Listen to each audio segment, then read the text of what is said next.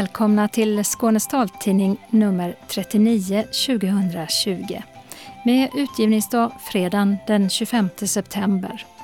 Solen gick upp 6.59 i morse och ner går den 18.57 ikväll.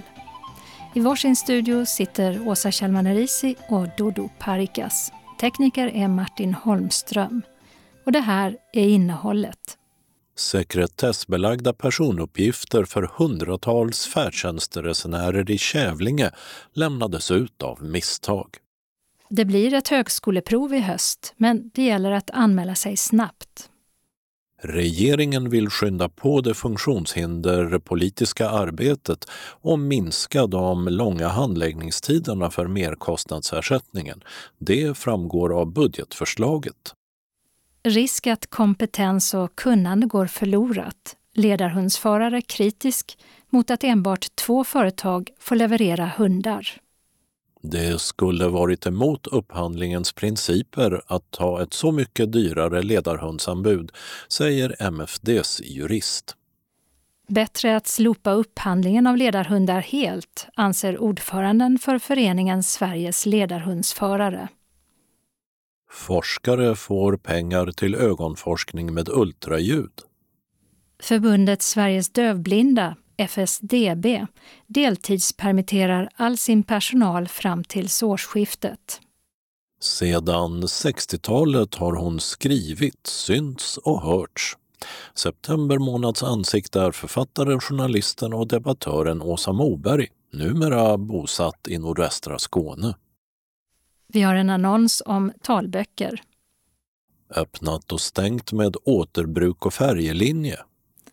Evenemangstips med förbjuden litteratur, våroffer och pappersblommor. Kalendern därpå med slaktmånad, seriehund och skördefest. Anslagstavlan med regionala och lokala meddelanden samt ändringar i busstrafiken. Och denna gång delar sydvästra och mellersta sydöstra Skåne på tavla. Och sist som alltid redaktionsrutan. Sekretessbelagda personuppgifter för 506 färdtjänstresenärer i Kävlinge kommun har av misstag lämnats ut. Detsamma gäller personuppgifter för drygt 200 elever som åker skolskjuts. Kommunens säkerhetschef Björn Andersson har anmält det inträffade till Datainspektionen och säger att man omedelbart efter att händelsen blev känd ändrade rutinerna för hur man hanterar sekretessbelagda uppgifter. Tidigare har tjänstemännen i datorn avidentifierat uppgifter som namn, adress och personnummer genom att svartmarkera dem. Men när privatpersonen som begärt ut uppgifterna kopierade dem så försvann alla sekretessmarkeringar. Med de ändrade rutinerna ska man skriva ut de avidentifierade uppgifterna och sen skanna in dem igen innan de skickas iväg för att undvika att misstaget upprepas. Och Björn Andersson säger till Skånes taltidning att det inte ska kunna hända igen med de nya rutinerna. En del personer har hört av sig och varit oroliga men blivit lugnade när Björn Andersson förklarat var uppgifterna hamnat och anledningen till misstaget. Det var uppgifter för körd färdtjänst som begärts ut av en privatperson på grund av en tvist om vem som kör färdtjänsten i kommunen och ersättningen för den. Det blir ett högskoleprov i höst och det kommer att genomföras söndagen den 25 oktober. Det har regeringens samordnare för högskoleproven Peter Hanet nu beslutat. Och som vi har berättat tidigare blir det då också ett prov i Daisy och punktformat för personer med grav synnedsättning. Men på grund av coronapandemin genomförs provet på ett annorlunda sätt i år. Det blir ett begränsat antal provplatser, hälften jämfört med förra hösten på grund av risken för smittspridning och bara de som inte redan har ett giltigt resultat kan anmäla sig. Regeringen har förlängt giltighetstiden för högskoleprovet till åtta år, det vill säga att provresultat från hösten 2012 och framåt är giltiga. Eftersom antalet platser är begränsat så är det först till kvarn som gäller. Och det finns inga reserverade provplatser för personer med funktionsnedsättningar. Anmälningstiden börjar fredagen den 25 september och avslutas när platserna är fyllda eller senast 1 oktober. Den som vill skriva ett anpassat prov och vill ha förlängd provtid måste styrka behovet genom ett intyg från syncentralen. Intyget ska senast sista anmälningsdagen laddas upp till det konto man skapar när man anmäler sig till provet. Anmälan görs via hemsidan hogskoleprov.nu. I måndags presenterade regeringen det budgetförslag för 2021 som man tagit fram tillsammans med samarbetspartierna Centern och Liberalerna. Mycket handlar om att få fart på Sveriges ekonomi efter coronapandemin. Men det finns naturligtvis satsningar som ligger utanför coronasituationen. Birgitta Fredén har bläddrat i förslaget. Det funktionshinderpolitiska arbetet ska skyndas på, anser regeringen. Och det är något som Myndigheten för delaktighet välkomnar, skriver kommunikationsstrategen Camilla Arvenfelt till Skånes taltidning. Nästa år, 2021, satsas 23 miljoner kronor på att stimulera tillämpningen av universell utformning, det vill säga skapa mer tillgängliga lösningar som fungerar för fler, oavsett funktionsnedsättning. Kommuner och regioner ska också få stöd i sitt funktionshinderpolitiska arbete. Och pengarna ska också räcka till att förbättra statistiken om hur levnadsförhållandena för personer med funktionsnedsättning utvecklas. Anslaget till vissa insatser inom funktionshinderområdet blir 782 miljoner kronor. En minskning med 15 miljoner jämfört med i år. Något som beror på att en tidsbegränsad satsning på bättre tolktjänst i arbetslivet avslutas. 2023 minskar anslaget med ytterligare 30 miljoner beroende på att en tidsbegränsad satsning på personliga ombud upphör. Det här anslaget, Vissa insatser inom funktionshinderområdet, är det som bland annat används till ledarhundar, Nationellt kunskapscenter för dövblindfrågor, insatser för att stimulera universell utformning, det vill säga tillgängliga lösningar, och till att granska hur Sverige lever upp till FNs konvention om rättigheter för personer med funktionsnedsättning. Anslaget till funktionshinderorganisationerna blir oförändrat, 188 miljoner kronor. Sedan den nya merkostnadsersättningen ersatte handikappersättningen förra året har Försäkringskassans handläggningstider varit mycket långa. Den genomsnittliga väntetiden just nu är åtta månader. Regeringen vill nu komma till rätta med det och ökar anslaget till Försäkringskassan med 120 miljoner kronor nästa år, 100 miljoner 2022 och 80 miljoner 2023. Schablonersättningen för personlig assistans höjs med 3,5 procent till 315 kronor per timme. Den enskilde får själv avgöra hur stor del av ersättningen som ska vara lön och hur mycket som ska gå till kostnader som kompetensutveckling och arbetsmiljö. Samhall, som erbjuder arbete till personer som har svårt att få jobb på den öppna arbetsmarknaden, får höjt anslag. 400 miljoner kronor per år från och med 2021. Detta eftersom merkostnaderna förväntas öka på grund av löneutvecklingen. Något som är en följd av den på vissa håll höga dödligheten inom äldreomsorgen under pandemin är att Sveriges kommuner får ett tillskott på 4 miljarder kronor årligen för att förstärka äldreomsorgen. Dessutom satsas ytterligare 1,7 miljarder nästa år på Äldreomsorgslyftet som infördes i somras.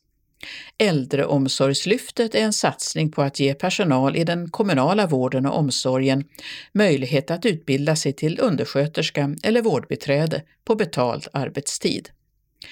Regeringen vill tillsammans med samarbetspartierna Liberalerna och Centern också öka kunskaperna i svenska språket hos personal inom äldreomsorgen, som undersköterskor och vårdbiträden.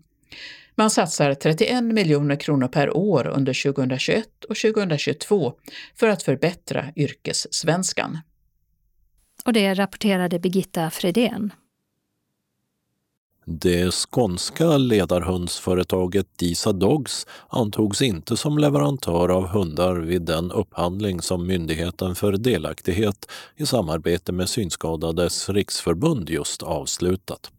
Det berättade vi om i förra numret. Istället för att som hittills ha ramavtal med fyra företag har MFD slutit avtal med två som begärde det lägsta priset för hundarna.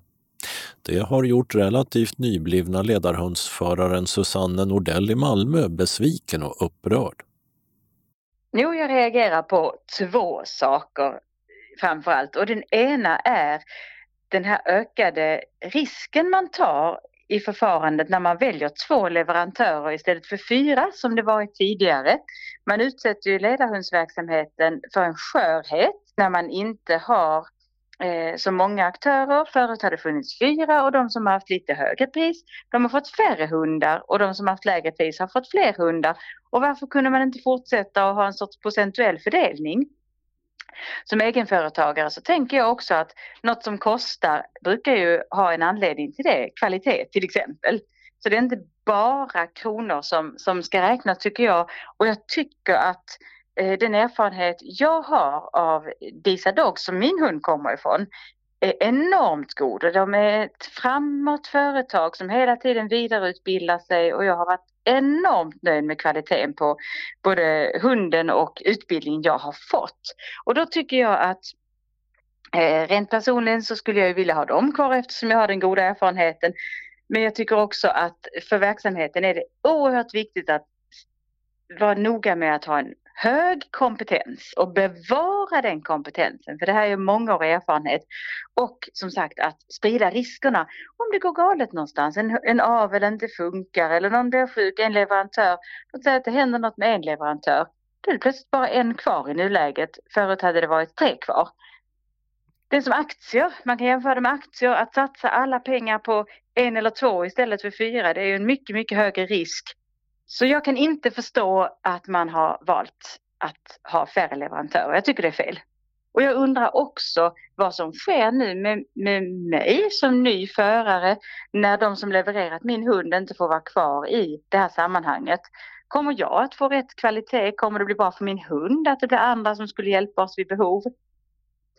Jag undrar även var SRF är i den här frågan. Det är ju Myndigheten för delaktighet som eh, jag förstår eh, är huvuddel i upphandlingen. Men SRF ska ju företräda sina medlemmar. Jag har varken fått någon fråga om eh, min upplevelse av ledarhundsinnehavet eh, eller fått någon information om det som skett. Och det tycker jag, alltså det har funnits i olika medier men jag skulle vilja ha personlig information eftersom jag i högsta grad är inblandad och använder de här skattepengarna till detta goda ändamål.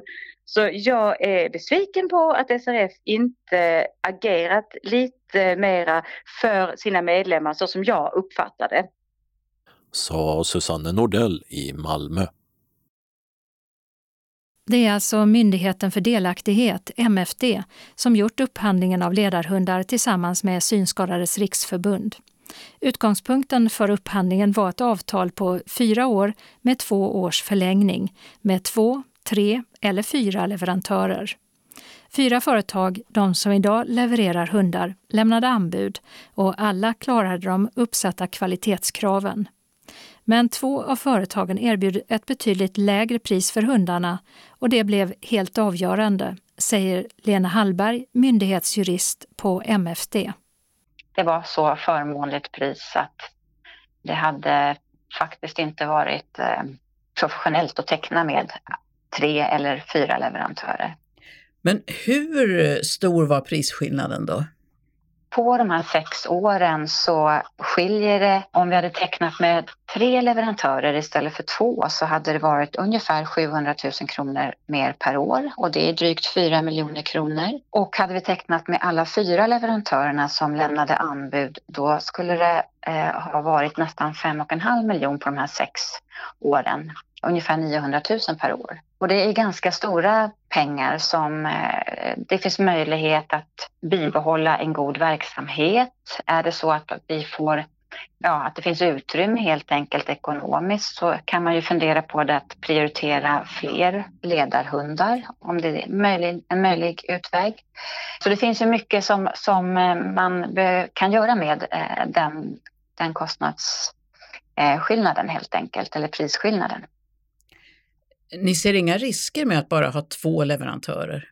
både Lund och Kustmarken, då, en norsk och en svensk leverantör som vi har tecknat ramavtal med, levererar ju hundar idag till andra än MFD och SRF. Den här långsiktiga sexårsavtalen, de, de eh, ska ju också ge en god möjlighet att om man inte kanske just idag har kapacitet fullt ut. Man kanske måste anlita eh, en underleverantör under en övergångstid eller under hela ramavtalsperioden så ska man åtminstone på sikt kunna skala upp sin verksamhet så att det finns eh, god kapacitet och även redan i nuläget så har vi bedömt att de har en, en överkapacitet egentligen för att leverera bara de här två leverantörerna, Lund och Kustmarken. Du säger underleverantörer, var kommer de ifrån då?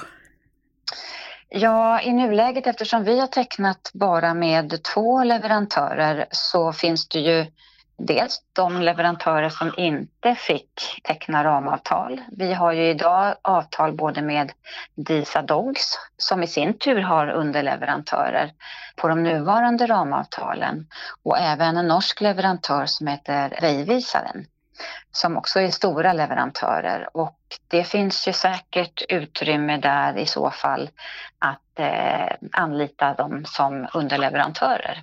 En del kan ju tycka att det låter lite konstigt då att de som inte fick avtal nu ändå kan komma i fråga som underleverantörer. I det här fallet då så kan man väl säga att om någon av de leverantörer som lämnade anbud men som vi inte tecknat avtal med skulle gå in och bli en underleverantör till Lund eller Kustmarken så är det ju då Lunds eller Kustmarkens priser som gäller och även är det så att Lund och Kustmarken i så fall svarar för de här underleverantörerna som för eget arbete och egen, ja, har hela ansvaret egentligen för leveranserna. Kanske det är en, en styrka också och en, ja, en garanti för att det finns eh, den här typen av verksamheter kvar helt enkelt. Vi blev uppringda av en kvinna som fått sin hund via Disa Dogs och var lite orolig och undrade nu vad, vad händer med henne och hennes hund då, om inte Disa Dogs är med i fortsättningen? Den som har då eh, hundar från jag ska säga, de gamla leverantörerna på det här det nuvarande ramavtalet att eh, eh få support till exempel av då Lund och Kustmarken i vissa fall. Men vi kan också gå utanför ramavtalet för att säkra upp att det finns support att få och stöd, frågor och så vidare. Kanske som man har kring kompletterande träning eller man behöver träna in nya rundor eller liknande. Så att det kommer att finnas supportmöjligheter på samma sätt. Sen är det inte säkert att det kanske sker av samma leverantör. Det sa Lena Hallberg, myndighetsjurist på Myndigheten för delaktighet. Den myndighet som enligt planerna ska ta över ledarhundsverksamheten från Synskadades riksförbund. Regeringen har aviserat att det ska bli så, men inte fattat det formella beslutet ännu. Reporter var Birgitta Fredén. Även inom föreningen Sveriges ledarhundsförare, SLHF, är man kritisk till ledarhundsupphandlingen och ser en risk att kompetens och kvalitet försvinner. Att de företag som hade ett högre pris och förlorade upphandlingen skulle kunna komma i fråga som underleverantörer, det ställer sig SLHFs ordförande Knut Torstensson mycket frågande till. Går de ner till det priset eller hur gör man då för att MFD betalar inte mer om de tar en underleverantör som har ett högre pris. Det är ju det avtalet som är gjort som gäller. Det är de de har kontakt med och inga andra.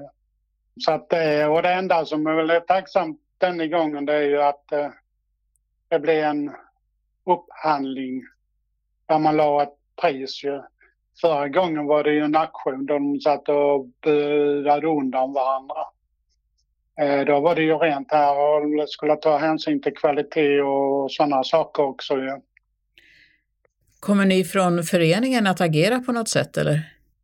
Vi kan inte göra så mycket åt detta för det är en upphandling som MFD sköter och det, vi kan ju inte påverka det eller någonting nu i efterhand. Det, det är, upphandlingen är gjord och är det någon som ska överklaga så det är ju de som har tappat och den tiden har ju gått ut. Ju. Det vi innerst inne skulle önska överhuvudtaget är att det inte sker någon upphandling överhuvudtaget alls. Det hade varit det allra bästa så vi kan få ännu bättre kvalitet. Det är ju så man får ju vad man betalar för. Men ingen upphandling alls, hur skulle det då gå till? Ja, tar du till exempel militären och polisen handlar väl inte upp några hundar. De väljer och köper sina hundar vad de vill. Vi får ju en mängd pengar från staten, det får ju militären också. Så du menar att eh, istället för att göra en upphandling så går man ut och, och köper just precis när man behöver en hund, ja, den som är bäst? Till exempel de här fyra som då man säger Disa och Kustmarken och det är ju fler som har varit med i det bolaget med Disa ju. Eh, då kunde de fyra som finns i Sverige levererat hundar ju. Har haft den på sin egen marknad, då är vi inte sårbara. Eh, ska vi tänka lite miljö ska vi ta nu någon ifrån eh, Lunds i Norge som ska köra ner hit och göra support om inte de får några underleverantörer i Sverige. Är det miljövänligt? Eh, vi vet ju inte var leverantörer kommer nästa gång ifrån. De kanske han kommer ifrån ett annat europeiskt land. Vi har ju lyft detta på MFD och vi har lyft det på SRF för att vi tycker inte om det här. Frågan är, det är ju MFD som har fått eh, av staten att de ska sköta själva upphandlingen som det är nu. Sen får vi se vad det blir i den här oppositionen som kommer, vad som ska gälla för 2022 sen, det vet vi inte. Det får vi se när den kommer, vad politikerna tänker sig. Är du orolig? Ja, det är jag. Ärligt sagt. Ärligt sagt så är jag bekymrad om MFD får totalansvaret för allting så är jag, så är jag bekymrad. Man ser bara nu med upphandling här, de har ingen ledarhundskompetens. Men SRF har ju varit med om upphandlingen. Ja, men det är ju MFD som bestämmer. De har fått lägga synpunkter men sen inte mer. Har ni från Ledarhundsförarföreningen blivit tillfrågade överhuvudtaget? Nej. De bara berättade att det var en upphandling på gång ut och sen så var det så. Men som ut eh, i vissa lägen är vi lite så, vi kommer inte så långt. Jag hoppas bara på det bästa. Att det inte blir som man tänker sig sa Knut Torstensson, ordförande i föreningen Sveriges ledarhundsförare SLHF. Han hade diskret sällskap av sin hund Elvis. Reporter var Birgitta Fredén. I förra numret berättade vi att 144 forskare inom medicin, vårdvetenskap och psykiatri i Skåne hade fått forskningsanslag från Skånes universitetssjukhus, donationer och stiftelser. En av de fyra ögonforskare som beviljats anslag fick vi inte kontakt med då, men kan nu berätta att Rafi Sheikh forskar på sjukdomen temporalis arterit. Det är inflammationer i blodkärlen i tinningen som kan ge skador på synen om de påverkar kärlen i synnerven. Projektet går ut på att ta fram en metod att undersöka inflammationerna i blodkärlen med ultraljud istället för med ett kirurgiskt ingrepp. Förbundet Sveriges dövblinda, FSDB, deltidspermitterar alla sina medarbetare fram till årsskiftet. Detta gör intresseorganisationen för att undvika ett stort underskott för 2020.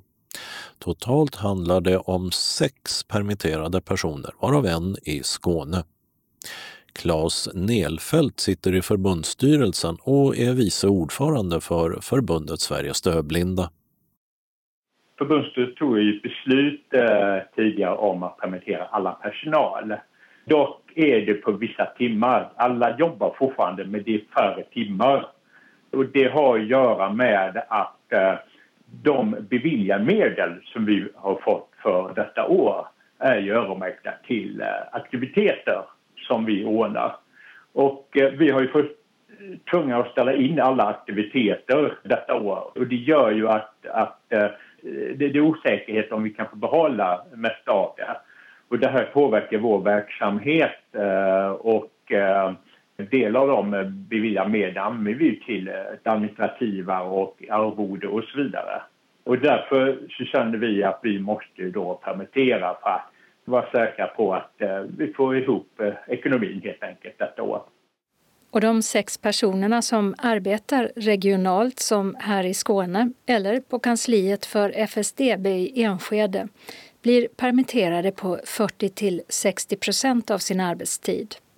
Och arbetsgivaren får då stöd av staten för att täcka en del av personalkostnaderna. Och Claes Nellfelt tror att medlemmarna kommer att märka av förändringen när de anställda jobbar betydligt mindre än vanligt. Det är klart att det påverkar medlemmar så sätt att man är inte lika tillgänglig. Och det, det är lite synd för att, att vara tillgänglig för medlemmar är en väldigt viktig del i vår verksamhet. Men eh, som sagt, medlemmar är ju mycket medvetna om detta. Vi har ju skickat ut information om detta. Och eh, det som påverkar är möjligtvis vårt intressepolitiska arbete då där vi måste prioritera hårdare och måste prioritera om den tiden vi har. Och vi hoppas då under hösten att, att det ska inte påverka så mycket vårt intressepolitik eftersom intressepolitik kommer vara väldigt viktigt just nu under den här hösten. För det börjar hända saker under hösten som vi måste jobba med. Som vad då till exempel? Till exempel tolktjänst som vi har jobbat i många, många år eh, som en evighetsfråga. Nu har ju då regeringen startat då en, en tolkutredning som börjar här nu och den är ju extremt viktigt att vi jobbar med för att vi tycker idag att tolktjänsten är inte så bra idag och det är väldigt viktigt att vi är på. Och hur påverkar annars pandemin era medlemmar när då alla aktiviteter ställs in och så vidare? Det påverkar väldigt mycket. Vi måste komma ihåg att, att de som eh, är mest utsatta i vår grupp, personer med dödlighet, var ju redan väldigt isolerade innan pandemin kom. Och eh, under pandemin så, så har ju det då ehm, gjort att man har blivit ännu mer isolerad. Och man börjar se att, att det är fler som mår dåligt av det här. Så det är väldigt oroväckande. Och eh, det är någonting som vi måste följa upp och jobba med. Och, och det är därför det är så viktigt att vi finns för våra medlemmar. Det handlar om psykisk och psykisk eh, ohälsa som blir värre helt enkelt. Eh, så att det är kanske inte här och nu utan, utan senare nästa år så bör vi nog se mer och mer problem av vad folk har varit ännu mer isolerade.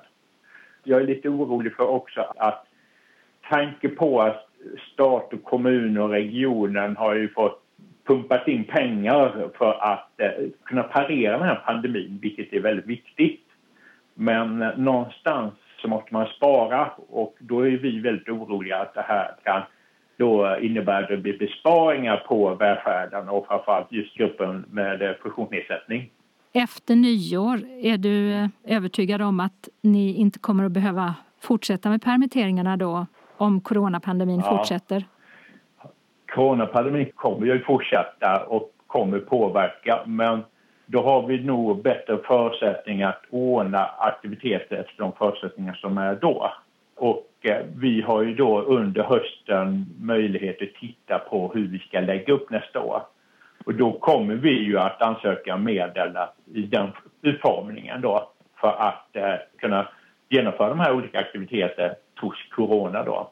Och aktiviteterna man planerar för framöver är bland annat föreläsningar och studiecirklar för medlemmarna via det digitala verktyget Zoom och även mindre aktiviteter med färre deltagare. Men avgörande är också att man kan använda sig av tolk igen vi med dövblindhet vi måste använda dövblindtolkar för att kunna vara med på olika aktiviteter. Och det var det som var ett stort problem under detta året. En av aktiviteterna aktiviteter som vi har fått tvungen att lägga ner det var på grund av att många medlemmar inte fick beviljad tolk. Men vi ser ju redan idag att tolkcentraler som finns runt om i landet eh, kommer inte vara så strikta utan de kommer ge beviljat torg till olika aktiviteter. Men förutsättningen är ju att man måste hålla avstånd och så vidare. Så. Men jag tror att vi kommer ha bättre kunskap, även torgcentraler och så vidare, Och det gör att det blir mycket lättare att kunna genomföra aktiviteter nästa år. Så därför så, så är jag rätt säker på att det är möjligt uh, göra det nästa år. Och föreläsningar och studiecirklar via Zoom planerar förbundet Sveriges dövblinda att börja med redan under hösten. Claes Nelfelt intervjuades av Åsa Kjellman Erisi.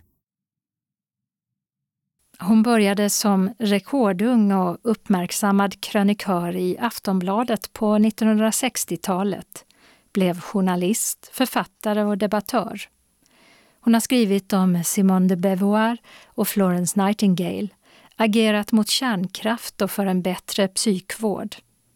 Ofta utgår hon från egna erfarenheter när det gäller till exempel psykiatrin på grund av en tidigare relation med en bipolär man. Idag är hon 73 år och bor i Lerberget i nordvästra Skåne. Månadens ansikte är Åsa Moberg som vi träffar hemma hos henne och maken. Och det är han som ritat villan med Sundsutsikt. Åsa Moberg minns när hon klev in i huset första gången. Jag sa bara som sanningen var, så här skulle jag aldrig kunna bo. det är för fint, det är för mycket saker att hålla reda på, det är för, det är för vackert. Och sen när man väl bor här så kan jag säga att det går även att trivas. Berätta hur det ser ut. Det, det, är ett hus som består av två skepp, tror jag Bror brukar säga. Bror Boje, min man, som har ritat det här. Och, eh, så, de två huskropparna förbinds med ett kök. Och det här ligger eh, nära Öresund, så man är nära havet och man har glasväggar mot havet. När man kommer in så kommer man in i ett vardagsrum där det är dubbel takhöjd. Det är någon slags eh, profant kyrkointryck.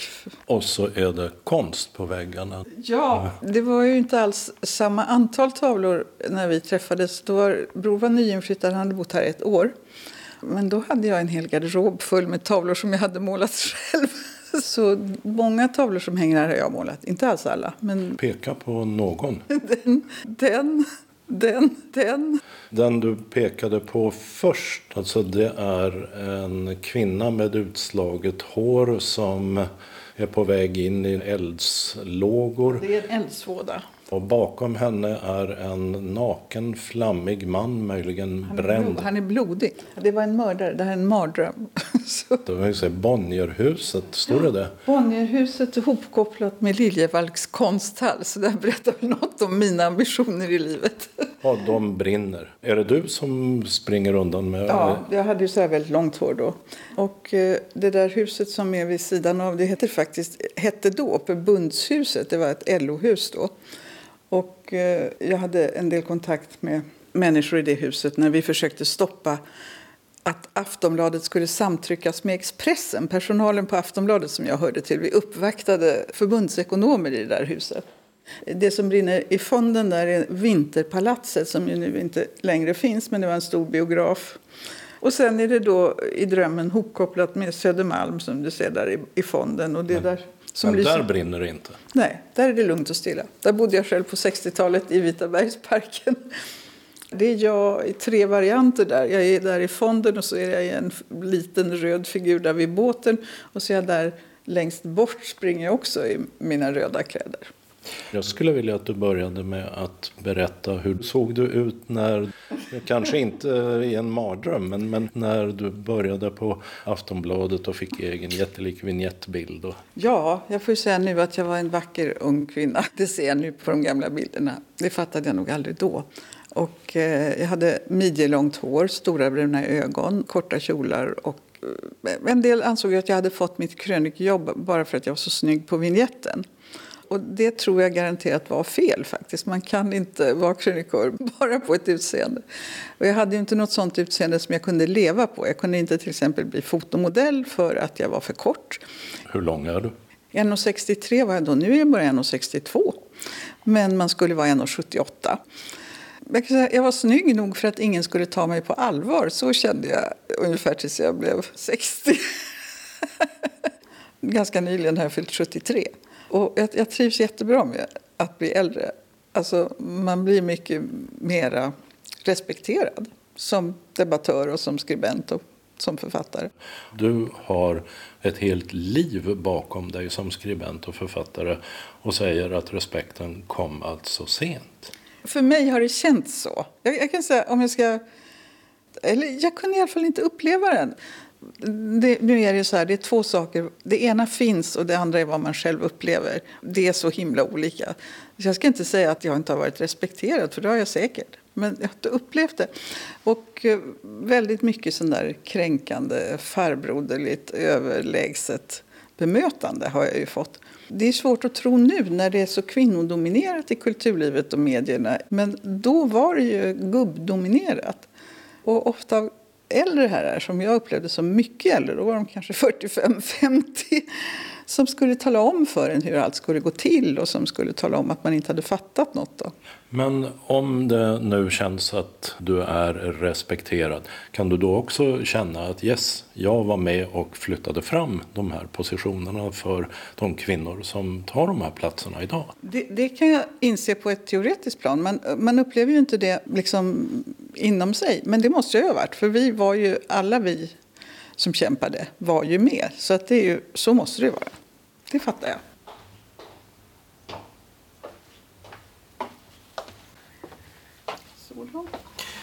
Alltså, när jag var på väg hit idag så tänkte jag på att det är ju svårt att hitta natur som skiljer sig från det du beskriver i eh, dina böcker och i, i memoarerna. Skogar och sjöar och färder över isen. Och hur är det att byta natur och byta plats så, Mm, liksom i så väsentlig utsträckning som det här ändå är? Dalarna och ja, andra ställen du har bott på jämfört med här har vi hela Öresund utanför. Jag har inte upplevt att jag är platsberoende på det sättet. Jag, jag, jag var beredd att byta precis allt i olika skeden av mitt liv. Och det finns liksom en liten strimma lantligt lite längs med Öresund på många ställen. Utom där villatomterna går direkt ner till havet. Men man kan ändå gå en promenad längs havet här i Lerberget. Jag är ju van vid en liten insjö men jag har tyckt att just det här bytet har varit väldigt lätt faktiskt. Jag är mer beroende av, av människor än av platser tror jag. Du beskriver väldigt mycket att ni tar er över isen. Det är risk att man går igenom. Det finns inget vatten i stugan där du bodde. Det är en kamp för tillvaron. Eh, jag såg det inte på det sättet medan det pågick. Däremot så kände jag ju ofta när jag eh, liksom försökte få loss min skoter för jag hade ju kört fast i en pöl under snön eller något sånt där. Då kunde jag ju känna att eh, ja, ja, de i Stockholm de betalar för att gå på träning. Det behöver vi inte göra. Man måste alltid liksom ta tag i någonting som var ganska tungt Alltså, jag är väl ungefär den enda jag känner i min generation som har bott utan rinnande vatten i väldigt många år i min ungdom. Jag flyttade hemifrån 65, sju år utan rinnande vatten. Och sen när jag 1980 flyttade till Västerdalarna, då var det på en liten holme och där var det lite primitivt också. Det fanns ingen vattentoalett. Det fanns rinnande vatten typ de första två månaderna vi bodde där och sen blev det så smällkallt så allt bara frös. Då var det ju tack och lov en ren insjö med drickbart vatten. Man fick ju hugga sig igenom isen för att få upp det där. Är jag ute och far när jag tänker att det där hade du nytta av när livet bjöd på en massa kringelkrokar och svårigheter. Du blev så småningom tillsammans med en man som eh, visade sig vara bipolär och det har du också skrivit om och det är ju sannerligen ingen ingen dans på rosor? Eh, jag tror säkert att jag hade nytta av det. Eh, den mannen hette Adam Inseligombo, så han dog i sommar. Och jag var väldigt fäst vid honom och om psykiatrin hade fungerat bättre, det här har jag och min man nu, som jag nu är gift med sedan 17 år, vi har talat mycket om det, att om psykiatrin hade fungerat bättre så hade vi aldrig träffats för då hade Adam och jag säkert hållit ihop. Men det går inte att vara tillsammans med en bipolär människa på nära håll om man inte får hjälp när det behövs. Och, och det var det som utmärkte psykiatrin då och tyvärr eh, ofta fortfarande. Man, hjälpen finns inte där när den behövs. Och det som erbjuds är inte alls det man behöver. Och det här har du skrivit om en på sin tid mycket uppmärksammad bok som heter just Adams bok. Och när jag läser den så tänker jag herregud, att de pallade, att han gjorde det och att du gjorde det. Ja, det kan jag nog tänka själv också nu i efterskott. Men, men det är som att på något sätt när man är inne i någonting som är svårt så är man bara där och det är bara... Eh, jag skulle säga att jag upplevde det nog som att fördelarna övervägde. För mig var det till exempel att hela den franska kulturen öppnades. Jag fick tillgång till språket, jag fick tillgång till en vänkrets. Jag fick... Det kändes som att världen öppnade sig för mig genom Adam. Och det, det tyckte jag var ovärderligt. Och där kommer Simone de Beauvoir in i bilden ja, ja, också. Verkligen, verkligen. Simone de Beauvoir sammanförde oss för att jag fick i uppdrag att översätta romanen Mandarinerna. Och jag hade läst boken och tyckt väldigt mycket om den men knappt förstått den för min franska var så dålig. Men jag kände att det var en helt underbar bok. Och då när jag sa men jag kan ju inte översätta den, jag har knappt kunnat läsa den. Och då sa förlaget att du kan skriva svenska, det vet vi. Så gör nu en provöversättning så, så ska vi se om det inte funkar. Och så får du skaffa en expert. Du känner säkert någon som är jättebra på franska.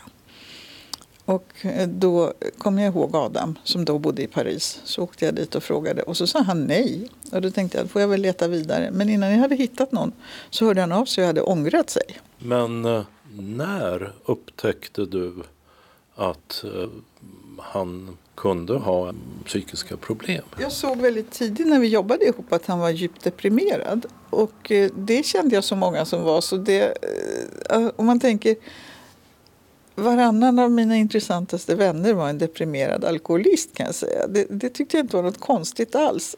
Och eh, det var jag liksom väldigt van vid. Så det reagerade jag inte på. Så det kanske tog ett år eller ett och ett halvt eller kanske till och med två innan han blev manisk psykotisk. Men det kände jag absolut inte igen för det hade jag aldrig känt någon som blev. Så att det, det var en ganska plågsam period och eh, det slutade med att jag ringde en läkare som jag kände privat och frågade. Och han var ju inte alls i psyksvängen men han sa det här är en klockren psykos, du måste få hjälp. Så ni måste få hjälp, du kan aldrig liksom fixa det här med någon hemmakur. Det lärde jag mig sen faktiskt. Jag tror visst att man kan ta hand om en psykos hemma om man får hjälp tidigt. För att det finns liksom ett litet fönster. I vår familj var det kanske tre dygn. Om man får hjälp de där tre dygnen så kan man nå personen på den punkt där den själv förstår att det här håller på att gå överstyr. Men om man inte får hjälp de tre dygnen, då går det överstyr och sen kan det bli en eller två månader på sjukhus. Och jag fattar ju fortfarande inte hur samhället kan vara så konstigt så att de flesta som söker hjälp i det där fönstret i början, de får inte det. Och det här har du också ägnat mycket skrivande åt i debattform och genom att föreläsa om och nu nyligen kommit med en bok där du är medförfattare. Berätta om den. Den heter eh, Det omöjliga och det är vad det handlar om. Det handlar om de människor som ingen orkar med. Alltså inte vården, inte det sociala nätverket. Det går inte att komma ifrån att det finns en anledning att det gnisslar så runt de här människorna. Och antagligen är det att de väcker så mycket ångest i hela omgivningen. Så det, är därför, det måste vara därför som det är så svårt att förändra det här. Boken De omöjliga av Anna Fredriksson och Åsa Moberg den kom i år och är en svidande vidräkning med psykvården efter psykiatrireformen och den handlar om de mest utsatta, de som inte fick eller får den vård de behöver. Fast Åsa Mobergs tidigare livskamrat Adam Insedigombos som hon skrev Adams bok tillsammans med fick till slut bra stöd. Men mer av hemtjänsten än psykvården, berättar hon. Och hon själv drog sig ur förhållandet långt, långt innan dess. Jag kan säga så här, mina väninnor bestämde att det här klarar inte du. du. Du fattar inte det själv, men du håller på att dö. Alltså jag var så svag så att Eh, det, jag, jag, bara rasade ihop på marken här, i de här kvarteren faktiskt av en ren slump. Det var innan jag hade träffat Bror, långt innan. Men jag hade en väninna som bodde här runt hörnet som heter Stojka Ristova. Hon heter det fortfarande och vi är fortfarande väninnor. Hon och Birgitta Stenberg, min författarkollega, de bestämde bara åt mig att nu är det slut. Nu måste du rädda dig själv. Så de ordnade en, en diakon som följde med och såg till att jag packade och åkte. Om man, som jag då är väldigt fäst vid den här sjuka personen och tror att den inte kan klara sig på egen hand. Och det var nog ganska korrekt bedömning så, så är det svårt att lämna en sån. Åsa Moberg har skrivit många böcker och ofta har hon använt egna erfarenheter och berättat om människor i sin omgivning. Från arbetslivet som ung kolumnist i Aftonbladet, från antikärnkraftsrörelsen inför folkomröstningen 1980 eller när hon reflekterade över den franska författaren och filosofen Simone de Beauvoir i boken Simone och jag och från sitt privatliv med personer och händelser bearbetade i romanform eller fullt igenkännbara och nämnda vid namn som i memoarboken Livet som kom häromåret. Man, man kan inte skriva något levande och något djupt mänskligt om man, inte, om man inte delar med sig av sina egna erfarenheter. Det går ju inte.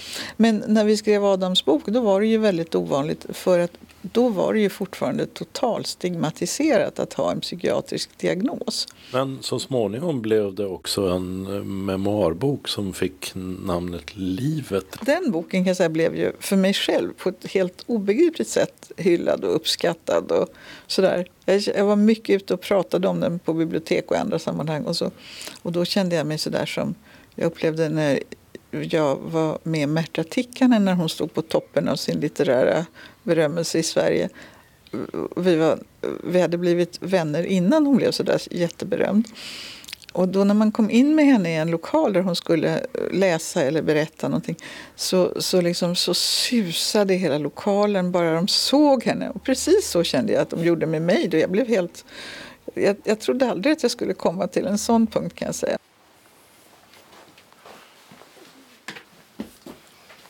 Okej, hur ser då den person ut som står framför mig och framför mikrofonen här idag? Jag var ju mörkbrunt tjockt hår och nu har jag grått och lite tunnare. Ögonen är fortfarande... Ja, de, är, de är stora och bruna och dessutom har jag fått glaukom, eh, sån här grön starr. Så jag måste droppa med ögondroppar varje dag. Och då har de en biverkan som står på bipacksedeln som är att man kan få längre ögonfransar. och det har jag fått. Nu när jag är hos, vet, hos tandhygienisten och sådana där så, så händer det att de frågar det här ser ut som det kunde vara riktiga ögonfransar. och då kan jag säga det är det.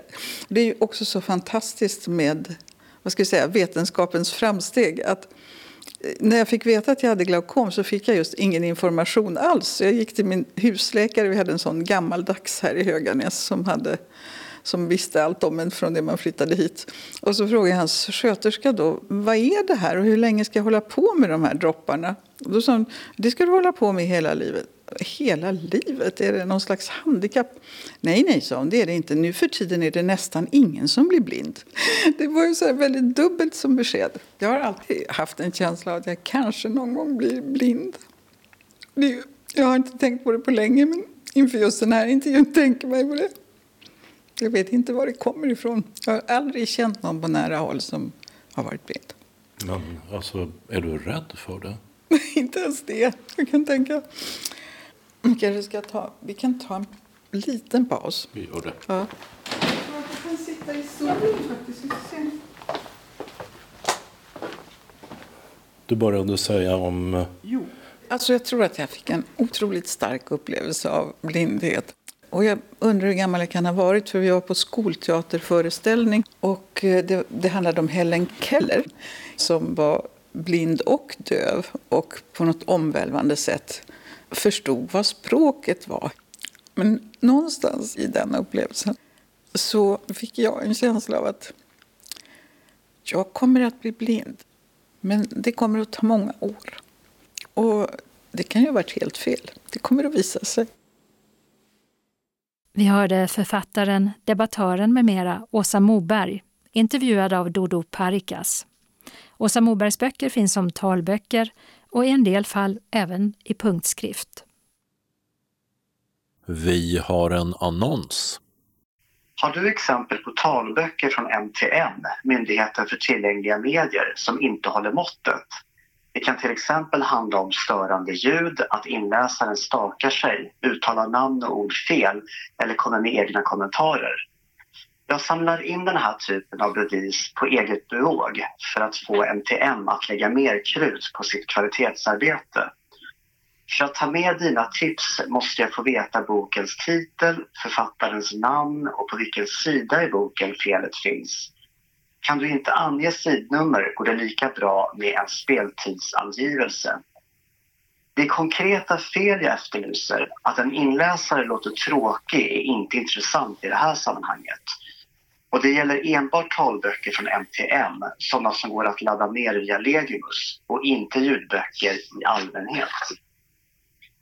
Jag samlar in bevis på dålig kvalitet tills vidare, men du får gärna tipsa mig så snart som möjligt.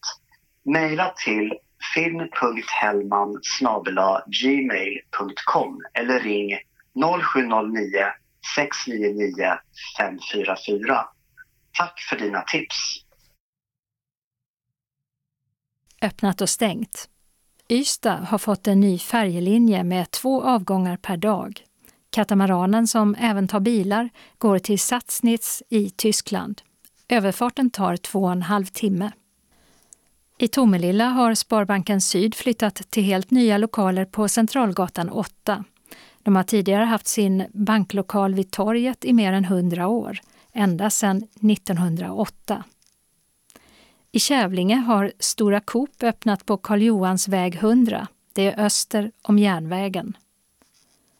Och I Simrishamn har återbruksbutiken Kullagret på Lädergatan 4 öppnat igen efter att ha haft stängt sedan pandemin bröt ut i våras. Kullagret är en av kommunens LSS-verksamheter där man kan hitta allt från böcker till möbler och tekniska apparater. Även Café Stinsen i Stationshuset, som är en annan LSS-verksamhet, öppnar i veckan. I Trelleborg har optikerkedjan Synsam flyttat in i nya lokaler på Algatan 32 som öppnar idag. Detta innebär att Synsams tidigare lokaler på Korfitsbäck Frisgatan står tomma. Evenemangstips Lunchkonserterna i Mariakyrkan i Ystad har åter startat. Det var i början av mars som konserterna ställdes in på grund av pandemin. Nu på lördag den 26 september klockan 12 blir det Sånger ur filmens värld med duon Johanna Dahlman och Roland Andersson.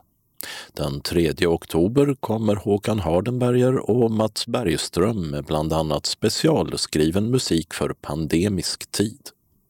Och den konserten kan man även se och lyssna till på storbildsskärm utanför Maria kyrkan. Den 10 oktober är det konsert med elever från Kulturskolan i Ystad. Svängig Jazz följer därpå den 17 oktober med Alma Siebio, Ola Hedén och Mats Ingvarsson. Och oktober månads lunchkonserter avslutas den 24 oktober med Nordic Light Duo som spelar romanskonsert inspirerad av Elsa Beskows sagor med Daniel Beskow och Josefin Andersson. Lunchkonserterna är gratis men det krävs biljett för att komma in.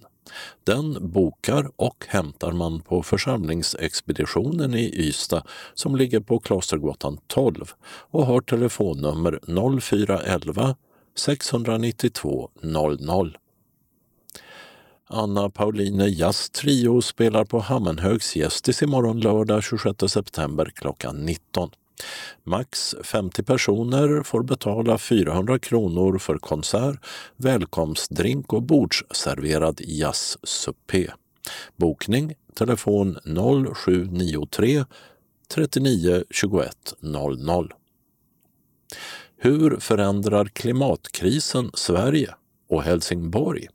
Det är temat för föreläsningar i Hörsalen i Helsingborgs stadsbibliotek måndagen den 28 september 17.30 till 18.30.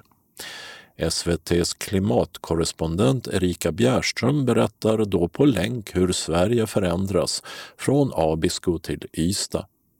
Stina Sandgren, klimatstrateg i Helsingborg, är på plats och beskriver klimatförändringarna i Helsingborg och hur staden arbetar med åtgärder. Arrangemanget är gratis. Det går inte att boka plats utan först till kvarn gäller. Föreläsningarna sänds också på nätet via Helsingborgs biblioteks Facebook-sida. Även på Sjöbo bibliotek öppnar man nu upp med olika evenemang. 29 september 18.30-20 är det föreläsning om flyg och klimat.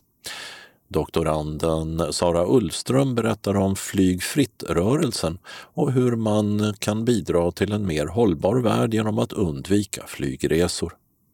Samma tid, den 6 oktober, blir det författarbesök av Mattias Edvardsson som berättar om sina böcker. Han har slagit igenom internationellt med spänningsromanen En helt vanlig familj och nyligen kom romanen Goda grannar. Båda böckerna finns både i punkt och som talböcker. Nästa föredrag handlar om svenska språket. Det är författaren och språkexperten Sara Lövestam som kåserar kring grammatik den 19 oktober. Den 24 november fylls biblioteket med toner av Dan Andersson och Evert Taube. Det är musikerna Lars Fernebring och Thomas Wiehe som sjunger och berättar om de båda legendarerna. Det är fri entré men förhandsanmälan på telefon 0416 271 60 eller på biblioteket. I Malmö har just David Isak-biblioteket med böcker som förbjudits och censurerats öppnat. I Lund arrangerar Stadsbiblioteket föreläsning med utgångspunkt i antologin Forbidden Literature tisdagen den 29 september 18 till 19. Föreläsare är Erik Erlandsson och Jon Helgason från Linnéuniversitetet i Växjö. Peter Henning, Umeå universitet och Linnea Lindsköld, Högskolan i Borås. Föreläsningen är gratis men man måste anmäla sig och få en bekräftelse innan man kan komma. Musikkännaren Sixten Nordström berättar om de svenska kompositörerna Wilhelm Stenhammar, Frans Berwald och Lars-Erik Larsson på kanalscenen i Malmö Live tisdag den 29 och onsdag den 30 september, båda dagarna 16.00. Biljetter för 120 kronor kan bokas senast klockan 15 dagen innan programmet och man kan boka maximalt två biljetter per person. Torsdagen den 1 oktober spelar Malmö symfoniorkester MSO musik av Lars-Erik Larsson, bland annat Pastoralsviten och av Torbjörn Ivan Lundqvist. Trumpetsolister är Håkan Hardenberger och Gustav Melander. Konserten livestreamas på nätet från Konsertsalen i Malmö Live med början klockan 19 och det är gratis att lyssna. Deckarförfattaren Anders de la Motte berättar om Våroffer, sista delen i sin årstidsserie som utspelar sig i nordvästra Skåne. Och det gör han på Lunds stadsbibliotek torsdag 1 oktober 18 till 19. Föranmälan krävs.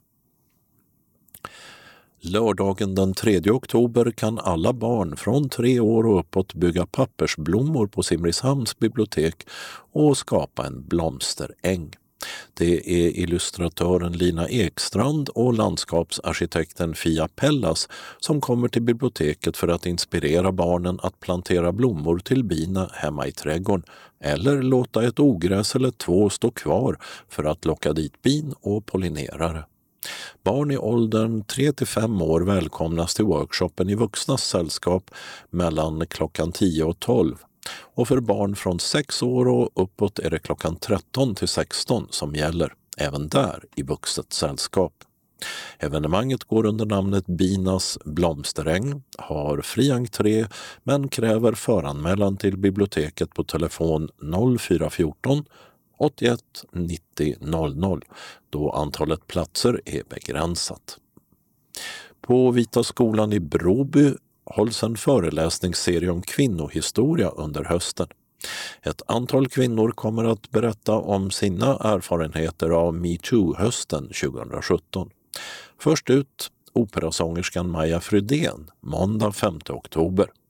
Sedan komikern och programledaren Josefin Johansson 12 oktober dramatikern och teaterdirektören Martina Montelius 19 oktober och slutligen reportern och författaren Matilda Voss Gustafsson som skrev de avslöjande reportagen om Svenska Akademin och boken Klubben.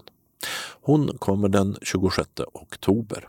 Alla föreläsningarna börjar 19.00. Det är fri entré men biljett måste hämtas på något av kommunens bibliotek eller förbokas på telefon 044 775 61 40. Författaren Susanna Alakoski besöker Tomelilla kulturhus tisdagen den 6 oktober 18.30 till 19.30. Hon är aktuell med boken Del 1 i en romansvit om fyra böcker om flera generationer kvinnors liv i Finland och Sverige. Föranmälan, och den är obligatorisk, görs via biblioteket på telefon 0417 181 900. Tomelilla kulturhus finns på Centralgatan 13. Komikern Marika Karlsson kommer till biblioteket i Stångby och pratar om sin bok sådana som du ska inte vara här tisdagen den 6 oktober 18 till 19.30. Det är en historia om utanförskap och gemenskap. Det är gratis men föranmälan krävs på telefon 046 359 64 31. Familjen Sölscher, pappa Göran med son och dotter, ger två konserter på gitarr och flöjt i Tivolihuset i Höganäs onsdag 7 oktober 18.30 och 20.00. Det är fri entré, men biljett krävs och kan bokas hos Höganäs Servicecenter. Biljettinformation Eventim, telefon 0771 130 150. Malmö Live telefon 040 34 35 00.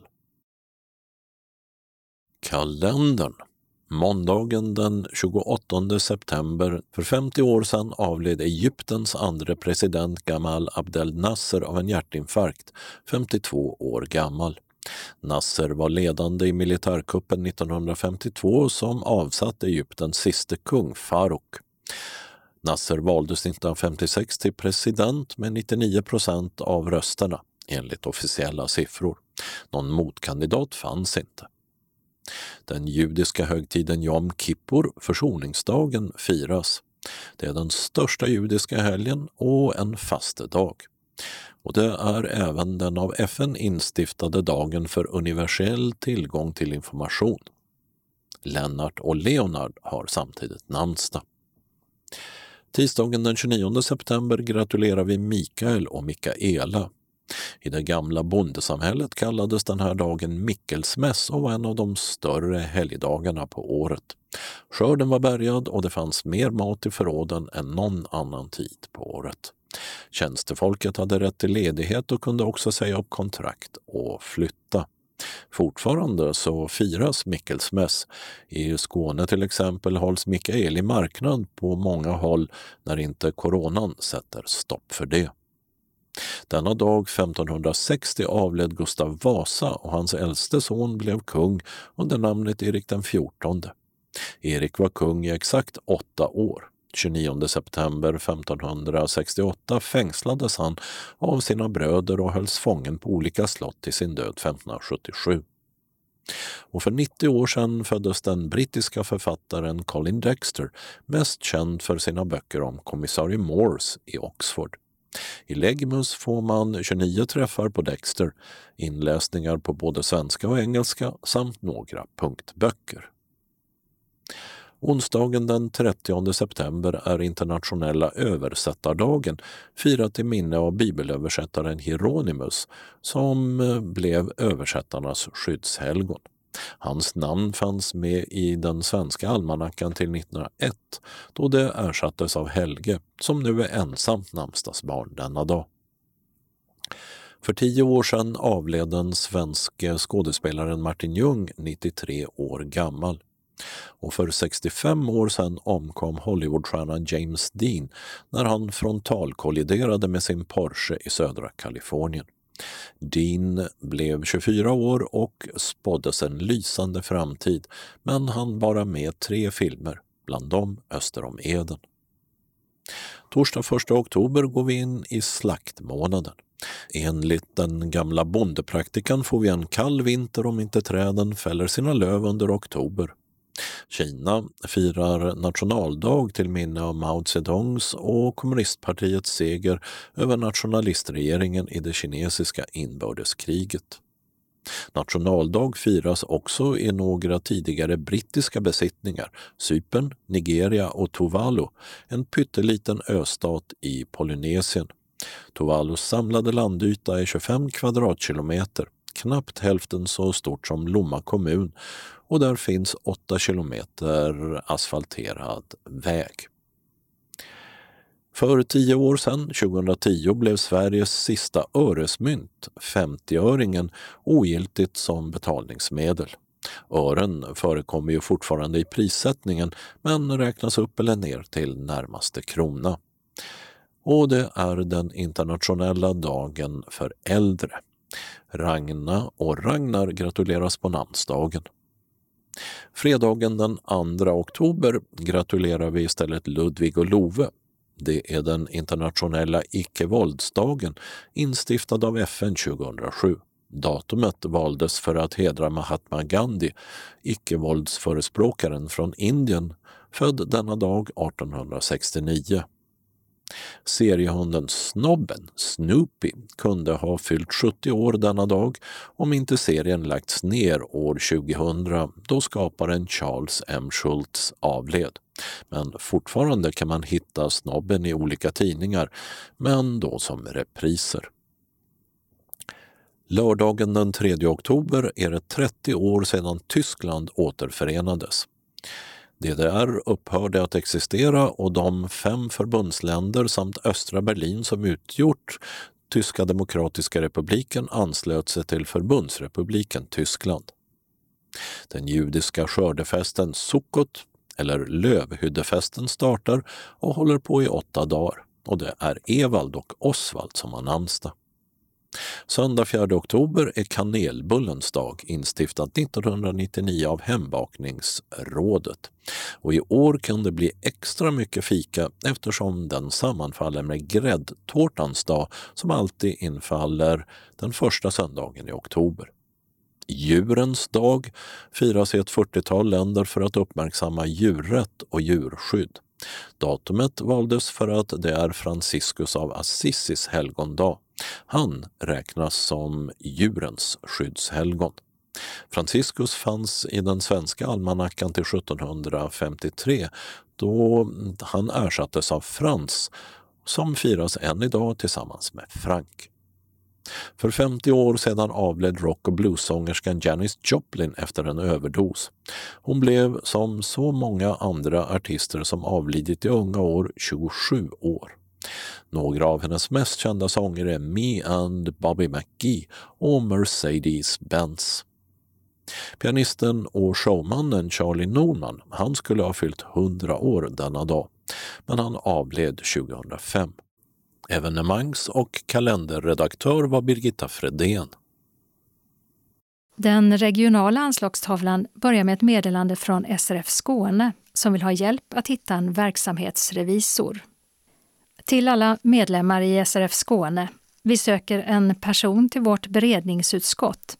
Det kommer att bli ett fyllnadsval i november. Beredningsutskottet skriver uttalanden till föreningens representantskapsmöten och ger förslag på valberedning. Känner du dig intresserad av att kandidera, hör i så fall av dig till valberedningen på e-post val srfskane.se eller till sammankallande Stina Bodil Andersson på telefon 0702 39 76 26 senast den 26 oktober. Med vänliga hälsningar Valberedningen, Stina Bodil Andersson, sammankallande Britt-Marie Linné, Conny Jansson, Fredrik Andersson och Stig Larsson. SRF Skåne har också en inbjudan till halloweenkväll på Bäckaskogs slott den 23 till 24 oktober till synskadade barn och ungdomar tillsammans med sina familjer. Vi planerar för aktiviteter som passar barn och ungdomar i alla åldrar. Bland annat ansiktsmålning, bus eller godisvandring, pumpadekorering och för de som vågar kommer det att erbjudas en spökvandring på slottet. Lite senare på kvällen kommer Jack Werner, författare, journalist och skapare av den populära Creepy-podden i P3, att läsa upp de bästa historierna ur sin senaste bok Creepypasta. Deltagandet kostar 300 kronor för barn mellan 6 och 18 år samt 600 kronor per vuxen. I priset ingår alla aktiviteter, boende i dubbelrum, familjerum, tvårättersmiddag på fredag kväll, frukostbuffé på lördag morgon. Vi har ett begränsat antal platser så först till kvarn gäller. Ni anmäler er till SRF Skåne, srfskane srfskane.se senast den 27 september. I anmälan ska framgå hur många ni är som kommer, ålder på barnen och hur många i familjen som är intresserade av att följa med på spökvandringen. Vi vill också att ni anger eventuell specialkost och era kontaktuppgifter. Rysligt och spökligt välkomna önskar arbetsgruppen för barn och ungdomar. SRF Malmö Svedala inbjuder till en syntolkad teaterföreställning av Cyrano de Bergerac onsdagen den 28 oktober med samling 18.15 på HIP, Kalendergatan 12 i Malmö. Föreställningen börjar klockan 19 och håller på i två timmar och 45 minuter. Pris 220 kronor per person. Betalning sker med inbetalningskort som skickas hem och biljetterna delas ut på plats. Handling vad gör kärleken med oss och varför är det så svårt att bli älskad för den man är? Cyrano har nästan allt. Han är omtalad hjälte i strid, men också våldsamt vass med sin penna. Ingen kan skriva och tala som han. Om han bara kunde vinna sin älskade Roxans hjärta så skulle allt vara perfekt. Men Cyrano har inte utseendet med sig. Hans näsa är jättestor. Vi har förbokat ett begränsat antal biljetter. Medlemmar från andra delar av Skåne är också välkomna. Resersättning utgår som vanligt från SRF Skåne för resor utanför Malmö. Kvittot ska sändas in inom tre månader efter syntolkningstillfället. Anmäl dig till kansliet på 040-25 05 40 eller e-posta till info srfmalmo.se senast måndagen den 28 september. Vid anmälan berätta om du behöver lur och eller ledsagning. För frågor ring Maj-Britt Ryman, telefon 070-324 66 09. Hjärtligt välkomna önskar styrelsen. Och vi har några ändringar som gäller kollektivtrafiken och då bussarna. Och det är både den lokala och regionala busstrafiken i Malmö. På grund av omfattande arbete med bland annat ombyggnad av hållplatser och beläggningsarbeten stängs en del av Bergsgatan och Södra Förstadsgatan mellan korsningarna med Carl Gustavs väg och Spångatan av i två etapper. Den första etappen, som det gäller nu, är i norrgående riktning och börjar gälla från den 28 september och håller på fram till 9 november. Bussar som berörs är linje 34, buss 100, 130, 131, 132, 133, 134, 138, 142, 146, 148, 150, 151, 169, 171, 174 och Skåneexpressen 8. Och hållplatser som stängs är hållplats Möllevångstorget läge B, Barkgatan läge B, Södervärn läge M, Spångatan läge B, Stadshuset läge H. För information om ersättningshållplatser kontakta Skånetrafiken på telefon 0771 77 77 77. Och vi har en förändring i den regionala busstrafiken i Hörs kommun som gäller en del av riksväg 13 som stängs. Och det påverkar körvägen för linje 441 och innebär att hållplats Jularp stängs och resenärerna hänvisas till hållplats Skånes djurpark. Även hållplats Holma stängs och istället hänvisas till hållplats Snogehall. Förändringen gäller från 28 september klockan 8 till 2 oktober klockan 16. Anslagstavlan för norra Skåne börjar med ett meddelande från SRF Norra Skåne som inbjuder till föreningsmöte med mera. Välkomna till höstens föreningsmöte den 18 oktober klockan 14. På grund av coronaviruset får vi inte vara på Bokebergsgården utan vi, som många andra lokalföreningar, får ha mötet på telefon. Så här går det till. Ring 08 120 490 20. En röst säger att ni ska slå koden 0138 fyrkant. Tänk på att det ska vara så tyst som möjligt runt er för att alla ljud hörs väldigt bra under mötet. Vi kommer att behandla budgetförslaget och mötesplanen för 2021. Meddela vid anmälan om ni vill ha handlingarna. Övriga aktiviteter. Kanastan är tills vidare hos Inga Gärd. Bokcirkeln börjar den 8 september klockan 10 på Stadsbiblioteket i Hässleholm. Konserter på Kulturhuset i Hässleholm. Dessa kan ställas in på grund av coronaviruset. Bellman i våra hjärtan, ett musikaliskt program av Rune Lindqvist och Jan-Erik Lundqvist 28 oktober klockan 19 till 20 i Blå salongen. Ingen deltagaravgift. Julkonsert i vintertid med Anders Berglund, Christian Svarfar och Emmy Kristensson. 11 december klockan 19 till 21 i Röda salongen. Deltagaravgift 100 kronor. Julkonsert med Andreas Weise onsdagen den 16 december 18.30 till 19.45 i Röda salongen. Deltagaravgift 100 kronor. Anmälan till alla aktiviteter senast lördagen den 26 september till Anna-Lena Päckele, telefon 0451 231 01 eller 070 36 00 647 eller mejla anna-lena.packela telia.com och Packela stavas P-A-K-K-I-L-A. Hjärtligt välkomna hälsar styrelsen.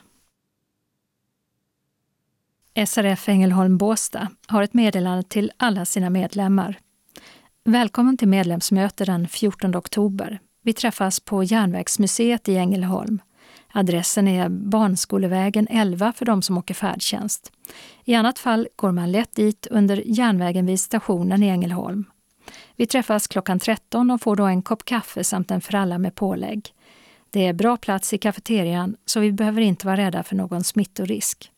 Efter att vi har fått lite i magen och information från föreningen kommer vi att få en guidning på museet som tar ungefär en timme.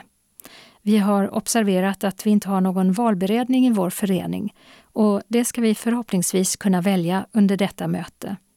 Vi vill att ni kommer in med förslag på personer som kan ställa upp till denna viktiga uppgift.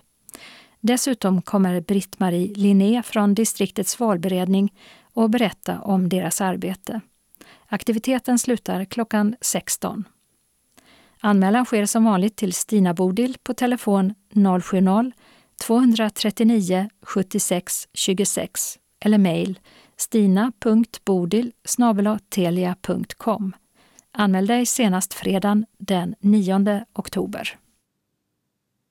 Anslagstavlan för mellersta, sydöstra Skåne och sydvästra Skåne börjar med ett meddelande från SRF Lundabygden som bjuder in till kulturafton onsdagen den 14 oktober.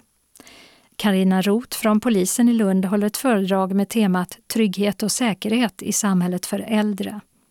Eftersom det förekommer och ökar med bedrägerier, falska poliser och olika andra myndighetspersoner så bjuder föreningen in till denna informationskväll klockan 18 till 21 i föreningslokalen Tordensvägen 4 i Klostergården, Lund.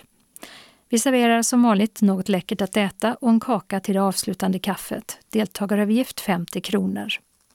Din anmälan behöver vi ha senast den 9 oktober till telefon 046 211 06 74. E-post srfkansli.lundabygden bredband.net. Hjärtligt välkomna! SRF Lundabygden bjuder också in till Vita käppens dag torsdagen den 15 oktober klockan 13.30 till 16. Tillgänglighetsrådgivare Kristin Jönsson och SRF Lundabygdens arbetsgrupp tänker genomföra en inlevelseövning tillsammans med parkavdelningen Lunds kommun i Stadsparken. Tanken är att vi tillsammans planerar denna dag. Plats Stadsparken med adress Stadsparksgången i Lund. Kaffe och kaka kommer också att serveras efter arrangemanget i Stadsparkscaféet och det bjuder föreningen alla deltagare på. Anmälan till detta arrangemang gör du senast 9 oktober till kansliet. SRF Malmö Svedala har aktiviteter under vecka 40. Välkomna till SRF Malmö Svedalas dagverksamhet. Vi serverar kaffe och smörgås eller kaka till en kostnad av 10 kronor. Vi vill att alla anmäler sig till kansliet på telefon 040-25 05 40 om man tänker komma på någon av dagaktiviteterna. Känner man sig sjuk så stannar man hemma. Tisdagen den 29 september klockan 13 till 15, då är det bingo. Onsdagen den 30 september klockan 12.30 till 16 är det kanasta. SRF Malmö Svedala har också ett meddelande om måndagsgruppen. På måndagen den 5 oktober kommer vi att börja med frågesport och tidningsläsning mellan klockan 13 till 15. Vi bjuder på kaffe och smörgås eller kaka för 10 kronor. Efter detta långa uppehåll så vill vi att alla ringer och anmäler till måndagsgruppen på 040 25 05 40 senast klockan 10 samma dag. Hjärtligt välkomna! Och det här var allt från Skånes taltidning för den här gången. Nästa gång som Skånes taltidning kommer ut är det fredagen den 2 oktober. Ha det fint till dess! Skånes taltidning ges ut av Region Skånes psykiatri och habiliteringsförvaltning. Ansvarig utgivare är Martin Holmström. Postadress Jörgen Ankersgatan 12, 211 45 Malmö. Telefon 040 673 09 70. E-post Skanes taltidning snabela skane.se och hemsida skanestaltidning.se. Observera att CD-skivorna inte ska skickas tillbaka till oss. Såväl skivor som kuvert kan läggas i brännbara sopor när ni inte längre vill ha dem. Vi hörs igen. Hej då!